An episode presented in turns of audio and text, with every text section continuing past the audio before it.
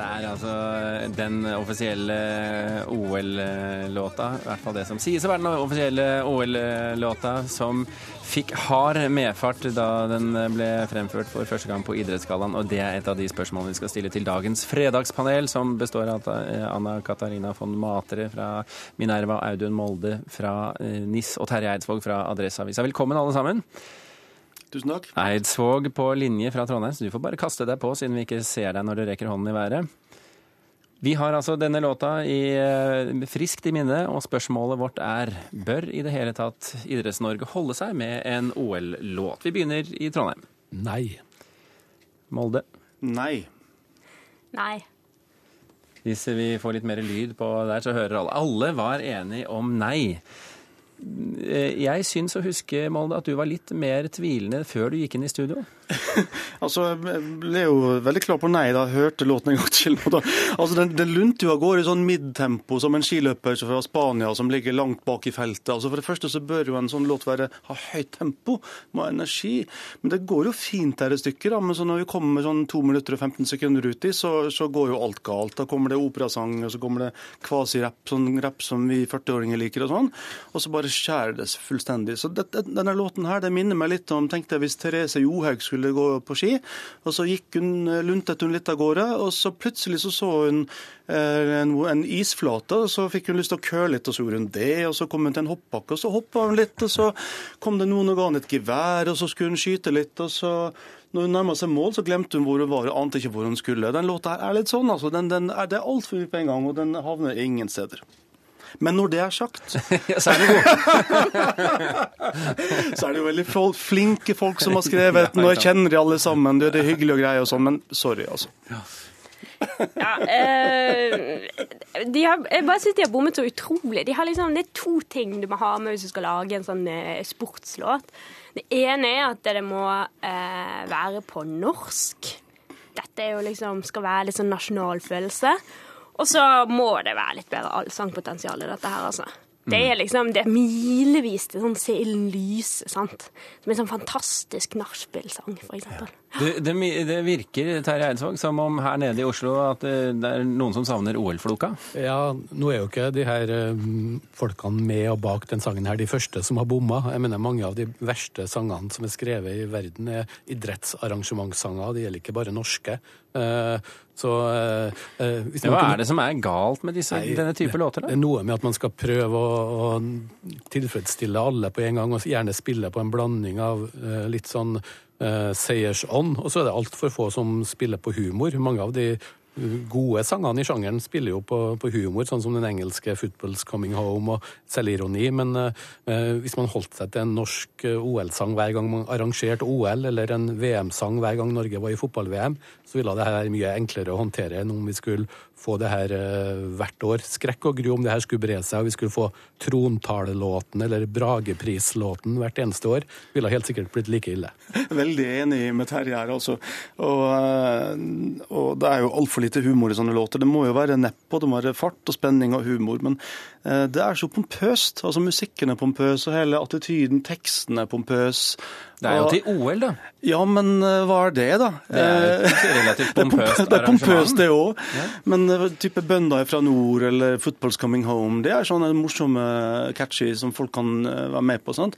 Men idrettseliten er jo veldig snobbete. De tar seg mye mer alvorlig enn kultureliten gjør, så det er jo ikke rart at det blir så pompøst, da. Ja, Det er det sikkert ikke alle som er enig i. Matre, vil du runde av dette, dette spørsmålet? Ja, altså, jeg at De kunne jo spart den til Melodi Grand Prix. Han kunne sikkert gjort det sånn middels godt Melodi Grand Prix. Det er jeg ganske sikker på. Ja, nummer 16. Nummer 16. Ja. Det er jo eh, mer sannsynlig at vi kommer høyere opp på listene under OL, i hvert fall. Vi får, får trøste oss med det. Vi går til neste spørsmål. Eh, vi har en liten sofa her borte, Audun Molde, hvis du vil. Ja, nei, vil sove litt. Nei, ja.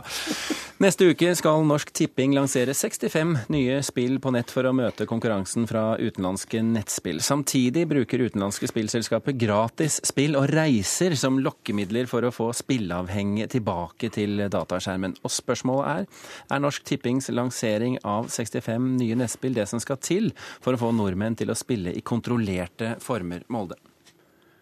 Uh, nei. Matre? Uh, nei. Eidsvåg? Nei. Nei, sa du med ettertrykk. Ja, eh, eh, skal det være et statlig norsk eh, selskap som har stolte røtter, og som ble starta etter krigen, og som eh, har på en måte blitt en institusjon gjennom fotballtipping og andre spill, skal de på en måte underlagt Kulturdepartementet ha i oppgave å konkurrere med utenlandske gamblingselskap i stor stil? Eh, nei, jeg syns ikke det. Molde, det er jo sånn at folk vil spille. Skal de da velge noe som er edruelig, eller skal de no velge noe som er farlig? Nei, de kan spille Det, det er et ledende spørsmål, i den grad du var i tvil. Ja, men Siden vi er et fritt land, så kan folk velge selv hva de skal spille. Men jeg syns ikke tippemidlene, eller Norsk Tipping nødvendigvis trenger å satse på den måten her. da. Og jeg syns det er litt sånn pussig å høre argumentasjonen fra Norsk Tipping at dette er et spill hvor man bare kan tape 10 000 kroner i måneden. Eh, jeg har i hvert fall ikke råd til det. og Det tilsvarer to sånne kredittkortgrenser for ungdom. da. Hvis en ungdom får et kredittkort i dag, så er standardgrensa 5000 kroner. Så jeg syns kanskje at det var en litt, sånn, litt rar argumentasjon. Så, eh, og så lurer jeg på når, når har folk tid til dette, da? Kan de ikke De bør spille sjakk. Matre. Ja, det var, det var, det var hardt, altså. Eh, jeg syns det høres ut som et godt eksempel på et statlig monopol som står for fall. Det er jo en del av de. Eh, man har jo sånn tradisjon for å eh, monopolisere og skattlegge ting som man syns er eh, dårlig for folk. Kino, for eksempel. Nå viste det seg at det ikke var så galt. Men uh, når de på en måte må legge seg så tett opp til de kommersielle aktørene for å få trekke til seg noen spillere som de kan være litt grann snillere mot, så syns jeg det virker eh, Det kan jo hende at det funker, eh, men jeg syns det virker eh, litt vel slappt, slapt, altså. Men eh, hvordan skal man da forholde seg til disse aggressive spillene fra utlandet? Skal man bare gå inn når skaden har skjedd, og reparere? Bare ta ordet. Hva mener du med at skaden har skjedd? Ja, altså Når folk en gang blir spilleavhengige og får skader av det. Ja, sånn, ja. Er det da man skal gå inn og reparere? må- nei, jeg, jeg, her syns jeg det er definitivt Det er noen områder jeg er veldig, veldig for å, å, å eller, mer for å regulere enn andre. Og, og type alkohol og, og spilleavhengighet er jo eh, gode områder for staten å regulere. Um, Hvordan skal man regulere da, istedenfor å tilby spill til, eh, til folket? um, vi får se nå om, denne om det er en lisensordning eksempel, kan fungere. Tror, Eh, tror du på det, Eidsvåg? Nei, nei, men man kunne jo f.eks. bruke noen av tippemidlene til både holdningskampanjer og til, til å hjelpe folk som faktisk eh, er baksida av den medaljen som eh, spillegalskap er, for de som virkelig rammes av det men på tror, verste måte. tror du på holdningskampanjer overfor folk som har mistet taket på spillinteressen sin? Ikke nødvendigvis, men jeg tror i alle fall ikke at eh, tanken om at man skal ha et, et litt sånn snillere spill som skal konkurrere med de slemme fra utlandet, at det, det bør i alle fall ikke være en, en, eh, et statsselskaps oppgave eh, å, å drive i utstrakt virksomhet med det i 2014. Molde? Spilleavhengighet er jo en, nesten en sykdomstilstand som folk må få hjelp med. Eh, Men jeg tenker at dette handler jo ikke om for eller mot spill og spilling. Spill er jo så mangt. Det finnes jo utrolig gode, fantastiske, bra spill. Og tilbudet av spill er ganske stort fra før. Så Men vi snakker ikke om dataspill her, altså vi snakker om pengespill. ja, jeg, jeg skjønner det, jeg skjønner det, men det finnes ganske mange av de også. da. Og, jeg kan ikke helt se hva, hva Norsk Tipping har tenkt å tilføre her i det tilbudet som, som finnes. Altså, Jeg ser på en måte ikke poenget med det de gjør, da. 65 spill altså lanseres på eh, mandag. Vi får eh, ta eh, og se hvordan det går først, og så får vi diskutere det igjen. Vi går til eh, siste spørsmål i dagens fredagspanel, som vi for så vidt har vært inne, inne på allerede her i sendingen også. Flere av de mest populære bloggerne her i landet er såkalte mammablogger, og nå er barna til mødre som har blogget blitt så store at de reagerer på det som blir publisert om dem. Og en psykolog vi snakket med mente at mammablogging gjør at barn mister kontroll over egen livssituasjon. Så spørsmålet blir i dag bør vi helt slutte å legge ut bilder av barna våre på sosiale medier? Matre. Eh, nei. Eidsvåg. Nei. Molde. Nei. Også der har du trukket deg litt nå. Men, men ja. Nei, vi bør ikke helt slutte med det, da. Eh, Nei. Jeg, mener jo ikke det, men, men jeg mener at vi bør kanskje lytte litt. altså Foreldregenerasjonen bør kanskje lære litt av eh, barna sine, ungdomsgenerasjonen, på det feltet her. Fordi at Hvis man er et barn som har vokst opp og hatt en trygg og god oppvekst, og så på et eller annet tidspunkt så oppdager du at eh, at hele oppveksten din er på en måte publisert offentlig av din egen mor, så tror jeg det kan være en ganske tøff opplevelse for veldig mange. Og eh, Jeg tenkte på, på Edward Snowden, som snakka i et intervju om hvorfor han hadde gjort det han hadde gjort. og Han snakka om privatlivets fred. Altså Privatliv er noe vi har mindre og mindre igjen av i vår verden. Uh, og, og, burde ikke da et lite barn ha rett til privatliv? Um, så jeg mener at mammabloggene sånn generelt, eller det fenomenet at det, Man skal ikke slutte helt, men man bør kanskje tenke seg litt om før man publiserer private ting. Matre. Ja, eh, det er jeg jo egentlig veldig enig i. Eh, det handler jo i stor grad om mengden også, som folk legger ut. Eh, det er mange som er flinke. De fleste jeg ser på, på Facebook, er flinke til å begrense seg, men jeg tror det er ja, hvordan er man flinke til å begrense seg? Er det en sånt voldsomt trykk bak enhver eh, enhver Facebook-bruker, og så begrenser man seg?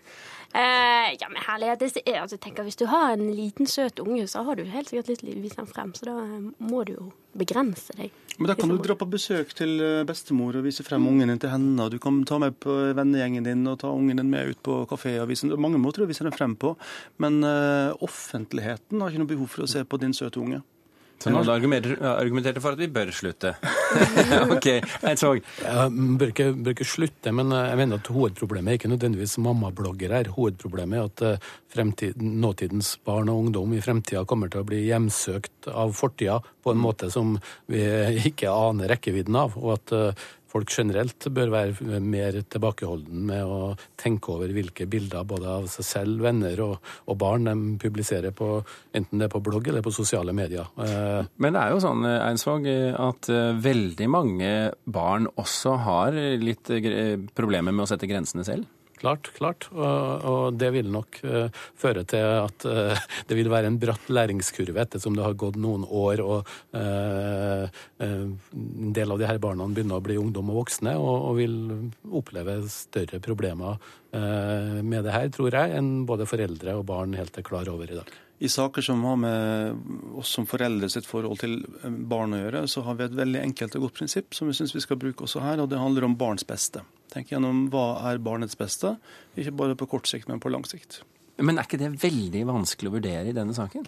Jo, selvfølgelig er det det, men jeg er veldig enig med det Terje sier, at jeg tror vi er i ferd med å bikke over en sånn grense som kommer til i neste generasjon igjen å få en backlash, få en motreaksjon. Fordi at uh, privatliv og retten til ikke å bli publisert og til å bli offentliggjort, det begynner å bli et uh, knapphetsgode i vårt samfunn. Matre?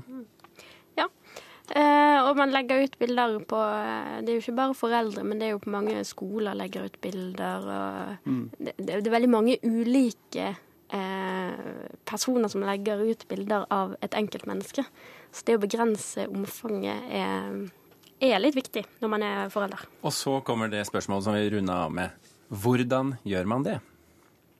Vil du prøve deg, en eh, nei, det er rett og slett å, å, være utrolig mye mer tilbakeholden med hva man eh, deler for, for mange. Men, men, også kanskje satse på at vinden snur, at i stedet for å være mest mulig eksponert, at det kanskje skal bli inn og bli mørk og mystisk igjen. Molde. Kjenner du lysten i ditt indre til å blogge om barnet ditt? Tenk deg om i tre sekunder. Kanskje du heller da skal synge en sang for barnet ditt, eller lese en fortelling, eller fortelle et eventyr, eller sitte og prate litt med barnet ditt. Helt privat og uten offentlighet. Ja. Og det nikkes fra Matres posisjon i studio. Ja. Ja, men det var jo en fin avslutning, det, da. Ja, Skal vi ta det der, rett og slett? Mm.